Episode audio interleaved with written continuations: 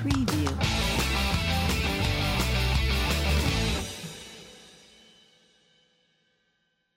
Assalamualaikum warahmatullahi wabarakatuh. Waalaikumsalam warahmatullahi wabarakatuh.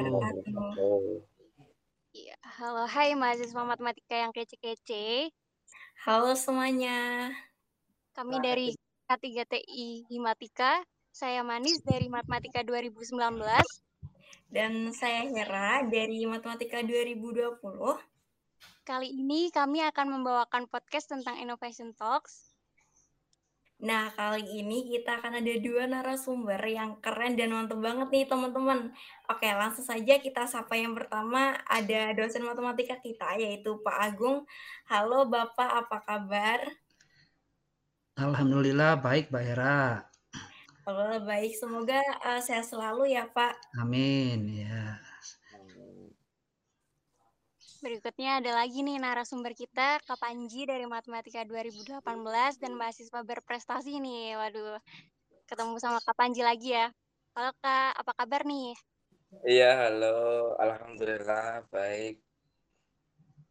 Ya, syukur sehat selalu ya Kak. Dan Pak Agung, Amin.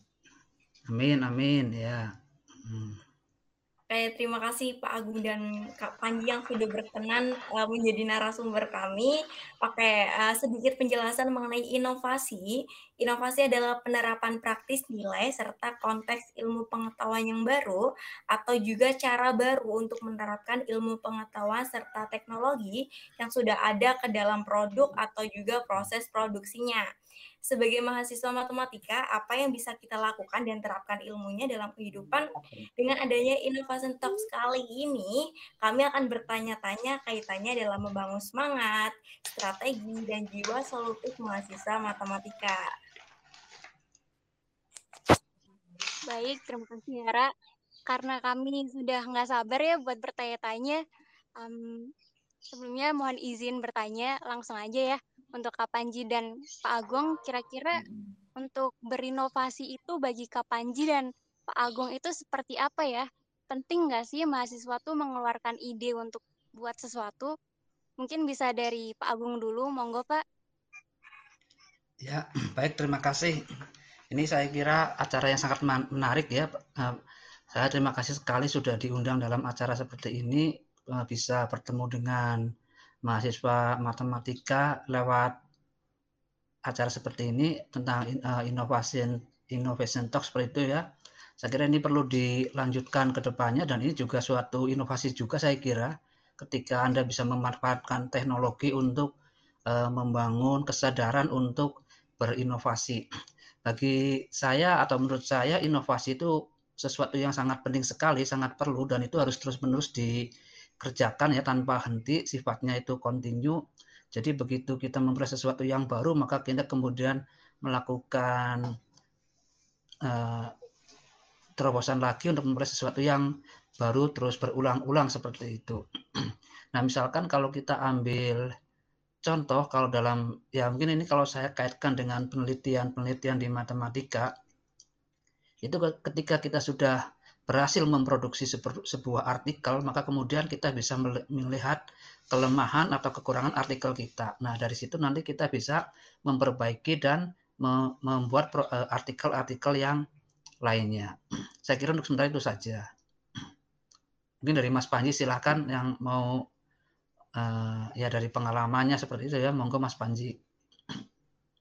Baik, eh, seperti yang apa namanya sudah dijelaskan sama Pak Agung gitu ya. Inovasi nggak jauh dari hal-hal yang baru gitu.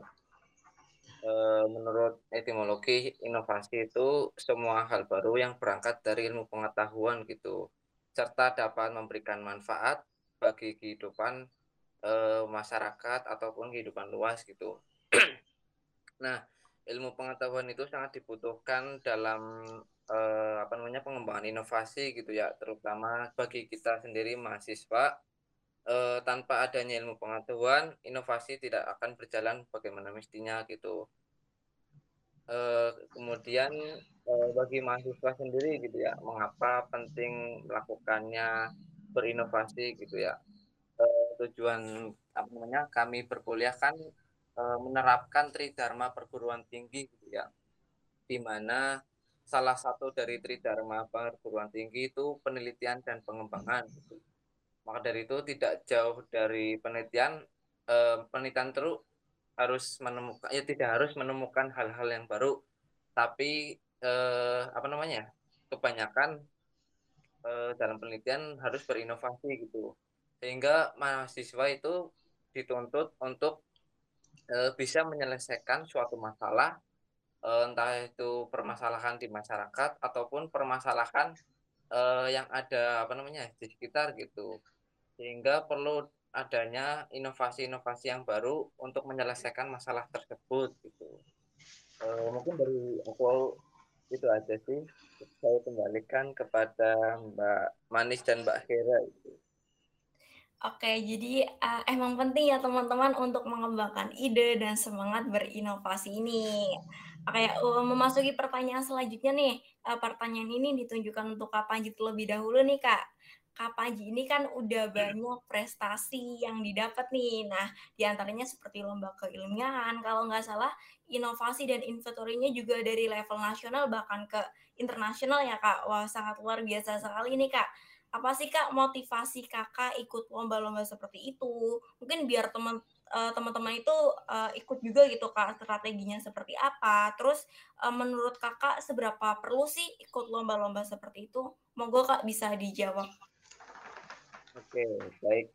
Mungkin uh, cerita sedikit pengalaman apa namanya yang pernah saya alami gitu ya terutama di bidang ilmiahan gitu ya.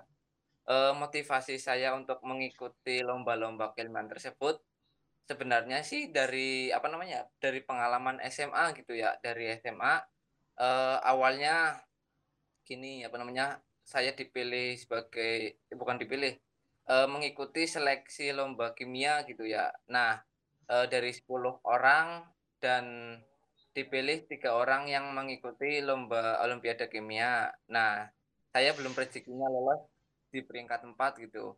Apa namanya? Nah eh, siswa yang tidak lolos ini apa namanya? Direkrut sama guru saya untuk mengikuti lomba KTI nah di situ saya dibimbing eh, ternyata menarik gitu ya eh, dari tangan juga dari masa kecil sebenarnya saya pribadi suka bau-bau teknologi gitu pengen menjadi penemu eh, di masa besarnya gitu mungkin itu uh, salah satu pencapaian yang pernah saya lakukan gitu. Nah, motivasi saya uh, mengikuti seperti itu apa namanya? Uh, apa ya? Kayak uh, agar mendapat kayak uang gitu dari fasilitas sekolah gitu. Uh, siapa sih yang nggak seneng kalau misalkan kita mengikuti lomba terus mendapatkan uang gitu, uang saku dari sekolah maupun dari universitas sendiri gitu. Dari SMA eh, dari hal kecil maksudnya uangnya kecil kemudian ketika apa namanya ketika kuliah eh, harga bukan harga tapi uangnya itu lebih besar gitu siapa sih yang nggak kepingin eh, mendapatkan uang saku sebesar itu gitu. Nah yang menjadi motivasi saya, saya itu mendapatkan uang gitu ya. Untuk jajan sih seperti itu anak-anak muda.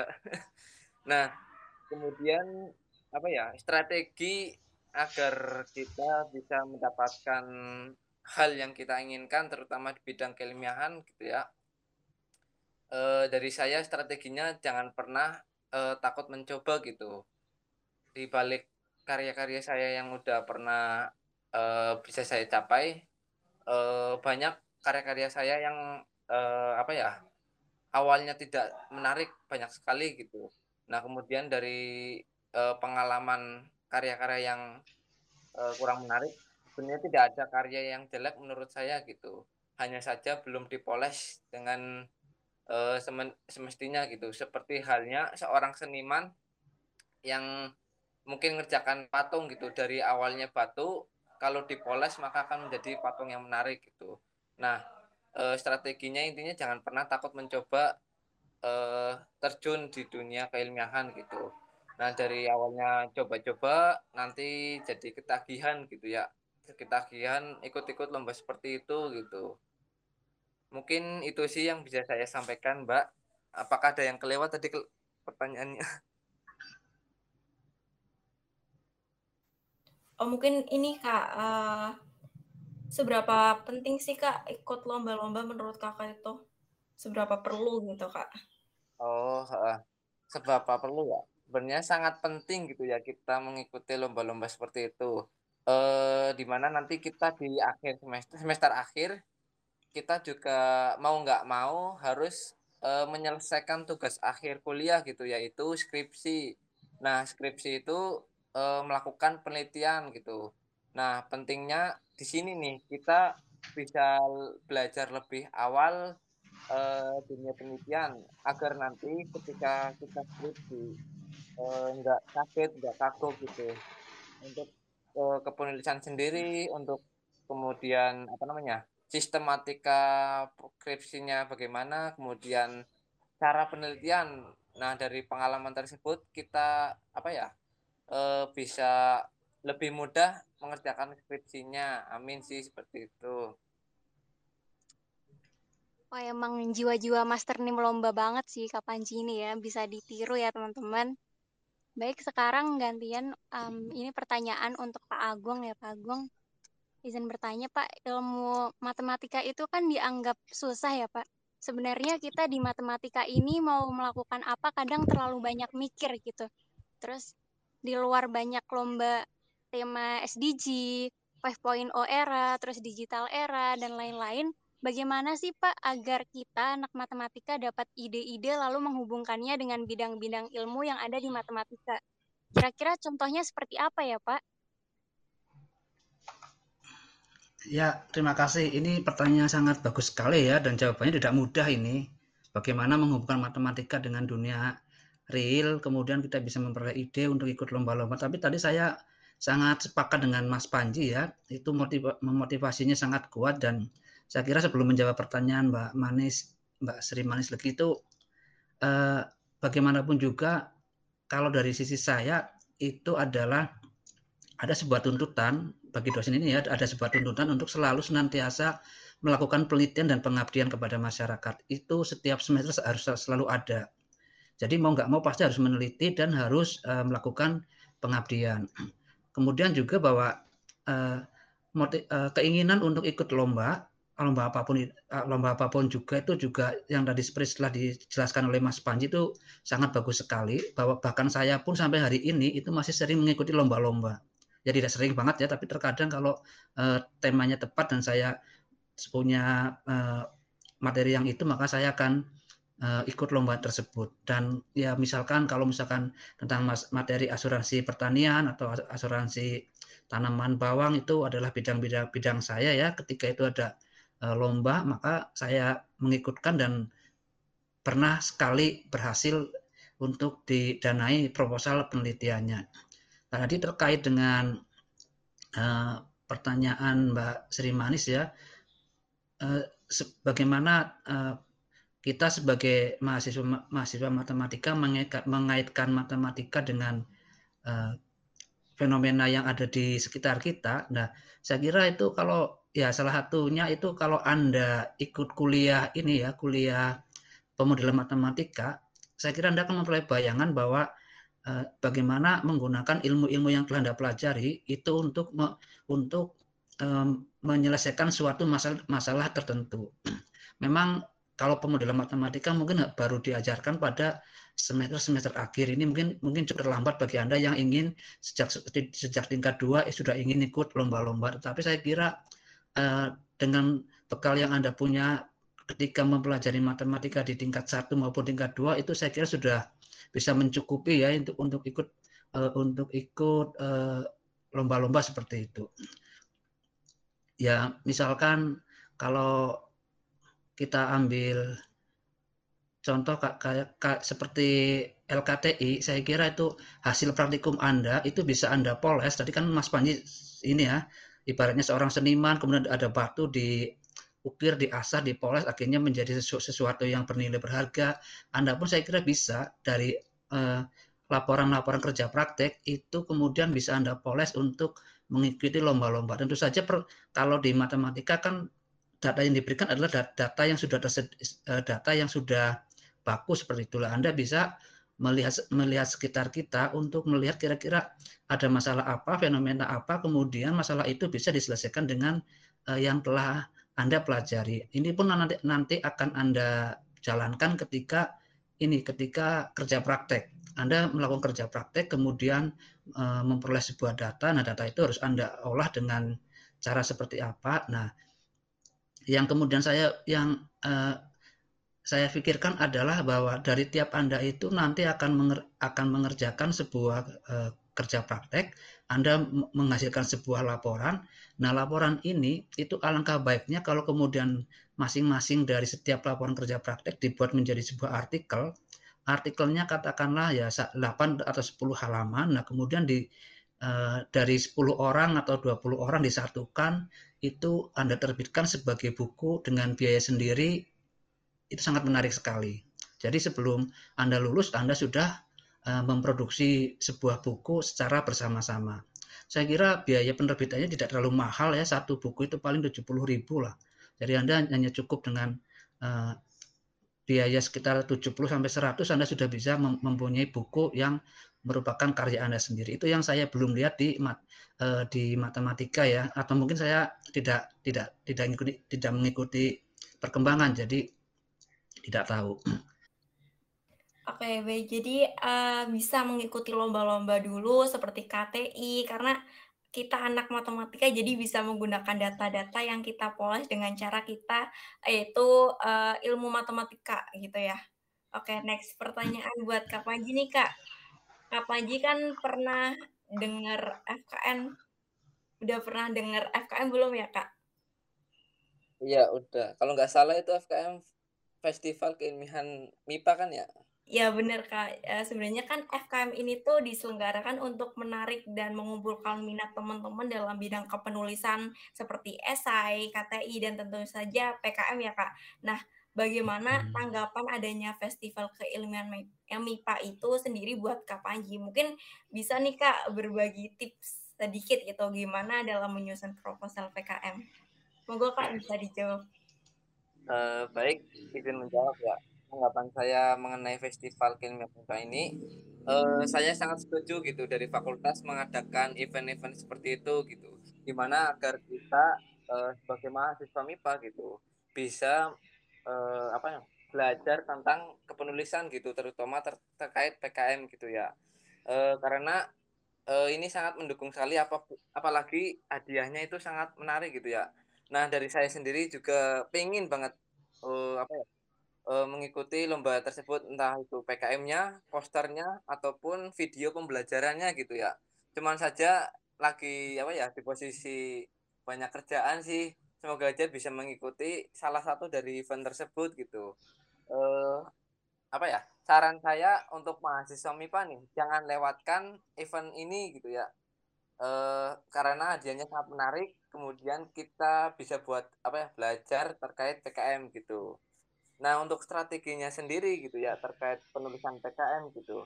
E, di PKM kan ada beberapa bidang gitu ya. Kalau nggak salah itu ada delapan bidang gitu. PKM riset eksakta, riset humaniora, RSH, kemudian PKM kewirausahaan, kemudian ada PKM karsa cipta, kemudian ada PKM gagasan tertulis, kemudian ada PKM pengabdian masyarakat, kemudian ada PKM gagasan futuristik, apa ya lupa kayaknya. Dan terakhir itu ada PKM eh, penerapan teknologi gitu. Nah, strateginya bagaimana? Intinya tuh strategi dari kita eh, PKM gitu ya, program kreativitas mahasiswa eh, di mana kita sebagai mahasiswa menemukan sesuatu hal yang baru dalam menyelesaikan masalah gitu. Intinya eh, dalam penulisan proposalnya itu kita harus eh, ada bau-bau ilmiahnya gitu dan bau ilmiahnya ini eh, tidak apa ya tidak sudah sudah banyak maksudnya sesuatu yang baru bau ilmiahnya gitu bahasa lainnya apa ya yang terbarukan gitu ya intinya. Nah, eh, terutama nih bagi PKM kewirausahaan ya, kan berwirausaha gitu. Nah, tipnya itu eh, berwirausaha dengan di proposalnya itu ada bau keilmiahannya gitu. Misalkan kita ingin menjual masker. Nah, masker kan banyak tuh yang jualan gitu. Nah, kira-kira apa sih yang baru dari masker ini gitu? Mungkin eh, di proposal ditambahkan masker ini ditambahkan dengan bau aroma yang eh, sangat enak gitu dari bahan-bahan eh, yang tidak dimanfaatkan oleh masyarakat. Nah, itu buat jualan masker bisa. Nah, kemudian contoh lain PKM eh, pengabdian masyarakat gitu ya. Nah, kita mau ngabdi ke masyarakat dengan cara apa sih? Misalkan di suatu masal di suatu desa ada permasalahan nih. Eh, mungkin dari PKM yang pernah saya dengar dan masuk Pimnas tuh eh, pengabdian masyarakat eh, penyelesaian uh, warga desa mana ya di ini Banjarnegara uh, menangani uh, anak-anak jalanan gitu. Nah, inovasi dari ini itu mendirikan rumah baca gitu. Kemudian uh, intinya men kasih didikan kepada anak-anak jalanan dan memberikan suatu fasilitas gitu ya agar uh, anak tersebut mempunyai pendidikan gitu ya minimal ya bisa tahu tentang pengetahuan-pengetahuan uh, yang ada di Indonesia gitu ya mungkin itu sih kuncinya dari strategi uh, dalam proposal harus ada bau-bau keilmiahannya gitu kuncinya itu dari saya. Baik Kak Panji. Strateginya harus berbau-bau keilmiahan gitu ya Kak. Mungkin yang tadi yang dimaksud Kak Panji ada lomba-lomba di Disnet ya teman-teman. Mungkin bisa diikutin aja. Nah untuk FKM sendiri itu ya bener banget. Buat pelatihan PKM ini banyak banget manfaatnya. Yuk join FKM dan bikin PKM. Lalu gantian pertanyaan untuk Pak Agung ya Pak. Ini Pak, beberapa ada yang penasaran dengan kolaborasi mahasiswa dengan dosen. Untuk itu bagaimana ya Pak mahasiswa dapat mengikuti atau dapat membantu penelitian dosen? Seperti itu, Pak. Ya, terima kasih. Uh, saya kira setiap dosen itu setiap tahun melakukan penelitian ya, uh, didanai oleh LPPM dan kemudian setiap dosen pasti akan merekrut mahasiswa-mahasiswa untuk terlibat di dalam penelitiannya. Dan biasanya yang direkrut itu adalah mahasiswa yang sudah tugas akhir karena persyaratan untuk uh, dilibatkan dalam penelitian dosen adalah mereka yang sudah uh, sedang mengerjakan tugas akhir atau ya minimal persiapan lah. Dan kemudian uh, dosennya itu sudah tahu kira-kira materi materinya itu ini seperti itu. Untuk mahasiswa kalau misalkan mahasiswanya belum menjalani tugas akhir dosennya sudah uh, memberikan materi ini materinya nanti materi ini akan saya ajukan kepada uh, ke uh, dana risetnya ke LPPM kalau didanai ya nanti kita bersama-sama mengerjakannya. Namun juga, namun kalau di pengabdian saya kira itu seorang dosen akan melibatkan uh, mahasiswa dari tingkat mana pun juga ya tidak tidak tidak harus tidak ada persyaratan bahwa yang bersangkutan itu harus sudah uh, di penelitian akhir. Itu biasanya seperti itu karena umumnya dosen itu tidak tidak melakukan penelitian mandiri tapi penelitiannya adalah penelitian yang didanai oleh LPPM dan syaratnya memang seperti itu. Ya, jadi saya kira ya mungkin kalau materi Anda yang dijadikan sebagai tugas akhir itu tepat dengan materi dosen yang akan diajukan untuk penelitian, pasti di pasti dilibatkan. Biasanya tidak hanya satu atau dua, mungkin bisa sampai tiga orang untuk uh, untuk sekali penelitian itu dilibatkan tiga orang mahasiswa seperti itu. Ya setidaknya kalau sejak awal anda sudah cukup kenal dekat dengan dosennya, kemudian Anda misalkan dengan dosen A seperti itu tanpa harus menyebut siapa pun juga ya. Misalkan Anda kenal dengan dosen A, kemudian Anda tertarik dengan bidangnya, Anda nempel terus seperti itu masih kemudian ketika tugas akhir di semester berapa 6 atau eh, semester 7 atau 8 bidangnya sama pasti akan dilibatkan. Saya kira itu untuk eh, apa bagaimana seorang mahasiswa eh, terlibat dalam penelitian dosen. Namun juga saya kira ya kalau seorang mahasiswa misalkan punya ini punya tema kemudian ingin ingin diikutkan pada lomba-lomba tertentu itu juga saya kira yang bersangkutan bisa ini ya bisa meminta bimbingan kepada dosen yang sesuai dengan bidangnya, sesuai dengan materinya untuk uh, di, dibimbing mengikuti lomba-lomba tersebut seperti itu. Ya tentu saja yang uh, diharapkan ya mahasiswanya atau kelompok-kelompok kelompok mahasiswanya itu sudah mempunyai uh, draft ini ya draft artikel ilmiah atau LKT artikel LKTI-nya kemudian didiskusikan. Saya kira uh, kami dari pihak dosen itu sangat open sekali ya untuk uh, untuk hal seperti itu. Bahkan sebentar misalkan saya juga ini ya saat ini saya melakukan penelitian tentang asuransi pertanian saya libatkan tiga orang kemudian saya kemarin dapat hibah dari uh, PT asuransi uh, apa anu uh, Maipak seperti itu itu saya juga libatkan tiga orang. Jadi saya melibatkan enam orang di dalam uh, riset saya untuk tahun 2021 ini. Jadi seorang dosen itu biasanya ya minimal satu pasti uh, dapat penelitian lah. Karena itu memang suatu uh, kewajiban yang harus dijalankan ya untuk setiap tahunnya dosen juga senang loh sebenarnya kalau misalkan mahasiswa itu mungkin kadang kadang mahasiswanya yang ini ya eh, segan, sungkan, takut atau apa gitu ya. Padahal tinggal ya mendekat saja itu juga pasti kami terbuka untuk ini kok. Anda misalkan datang, Pak saya tertarik atau Ibu saya tertarik materi ini barangkali eh, apa namanya? Kalau Ibu punya penelitian mungkin saya bisa dilibatkan itu juga eh, boleh-boleh saja seperti itu saya kira. Tapi ya anda, anda harus juga lihat lihat ininya ya, lihat-lihat individu dosennya ya. Itu juga perlu. Tidak semua bisa uh, terbuka uh, yang yang lain lah seperti itu. Tuh teman-teman semangat ya yang mau jadi asisten dosen juga nih atau enggak yang mau kolaborasi sama dosen uh, seru dan rada-rada berat juga ya topik kali ini. Mungkin untuk yang terakhir dari masing-masing narasumber bisa menyampaikan ajakan atau seruan motivasi buat teman-teman mahasiswa sekalian untuk uh, berani menuangkan ide serta mengesampingkan rasa pesimis dan merasa susah sekali mereka ber, uh, buat bikin sesuatu. Mungkin uh, dari Kak Panji terlebih dahulu, monggo Kak. Uh, ya baik terima kasih Mbak Hera gitu ya. Uh, ajakan seruan nih untuk mahasiswa matematika nih terutama gitu ya.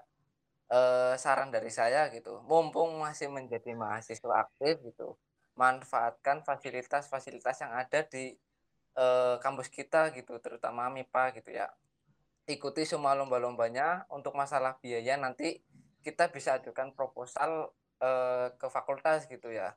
Nah, yang bikin seneng tuh uh, kita lomba gratis uh, kemudian dapat uang gitu. Nah itu sih yang menjadi tertarik uh, agar saya apa ya menarik tentang penelitian gitu. Ada intinya ada hasilnya gitu ya. Kemudian uh, di sisi lain gitu uh, untuk mahasiswa matematika kadang kebanyakan sulit untuk mendalami apa ya tentang penelitian matematika gitu ya. Stuck di bagian itu itu saja gitu. E, kalau saran dari saya gitu ya ikuti eh bukan ikuti e, dalami materi yang kira-kira teman-teman suka gitu. Misalkan teman-teman suka bagian statistik gitu ya. E, dalami bagian statistik. Sebenarnya ilmu-ilmu matematika itu banyak sekali untuk penelitian gitu. Nah saya sendiri juga tertarik meskipun belum begitu bisa gitu ya tertarik di bagian statistik dan komputasi gitu. Uh, kemudian di sisi lain kita juga jangan uh, apa ya jangan menutup diri kita untuk belajar di bidang lain gitu. Nah PKM kan uh, minimal satu tim 3 sampai lima orang gitu ya. Nah jurusannya itu bebas gitu. Nah dari itu uh, misalkan teman-teman punya teman dari biologi nih uh, bisa memanfaatkan nih belajar dari ilmu tersebut. Nah, teman-teman kan dari matematika gitu ya. Biasanya dari penelitian uh, yang apa ya ekstak gitu ya, membutuhkan perhitungan statistika gitu. Nah, teman-teman otomatis belajar kan ya, otomatis mau nggak mau belajar tentang statistika gitu. Seperti contohnya penelitian saya di PKM gitu. Alhamdulillah juga didanai ya kalau nggak salah sih 9 juta gitu ya dari uh, ilmunya tentang perikanan gitu. Nah, di perikanan juga memerlukan ilmu matematikanya gitu. Dan ya alhamdulillah saya juga awalnya nggak tahu apa-apa tentang materi tersebut.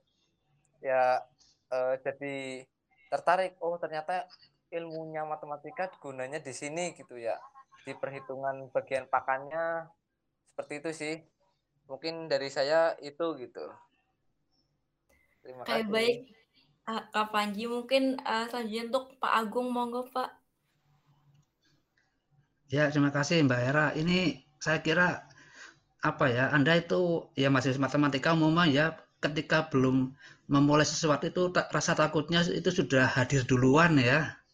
Jadi tidak akan kalau kita sudah takut duluan pasti tidak akan pernah bisa melakukan sesuatu apa pun. Jadi tadi benar Mas Panji, jangan hilangkan rasa takut, jangan pikirkan matematika yang sulit-sulit, pikirkan matematika yang sederhana yang bisa Anda olah, bisa Anda uh, gunakan untuk menghasilkan sesuatu itu kunci untuk menulis sesuatu ya. Jadi Anda jangan pikirkan tentang uh, jangan pikirkan tentang persamaan diferensial parsial atau persamaan nah itu terlalu jauh lah.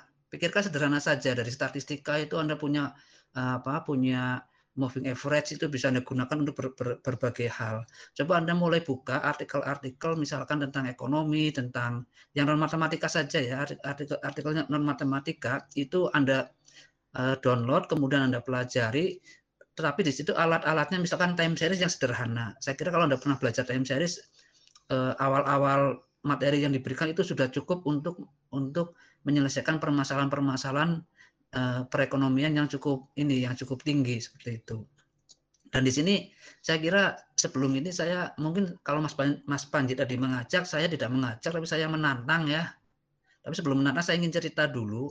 Saya sejak tahun 2017 itu mengkoordinir sebuah penulisan sebuah buku namanya buku Disnatalis Fakultas Matematika ya. Jadi setiap tahun setiap ada perayaan Disnatalis itu selalu ada uh, sebuah buku yang diterbitkan atas nama fakultas kemudian ditulis oleh seluruh dosen di uh, Fakultas Matematika baik itu fisika uh, Fakultas MIPA ya, baik itu fisika, matematika maupun kimia.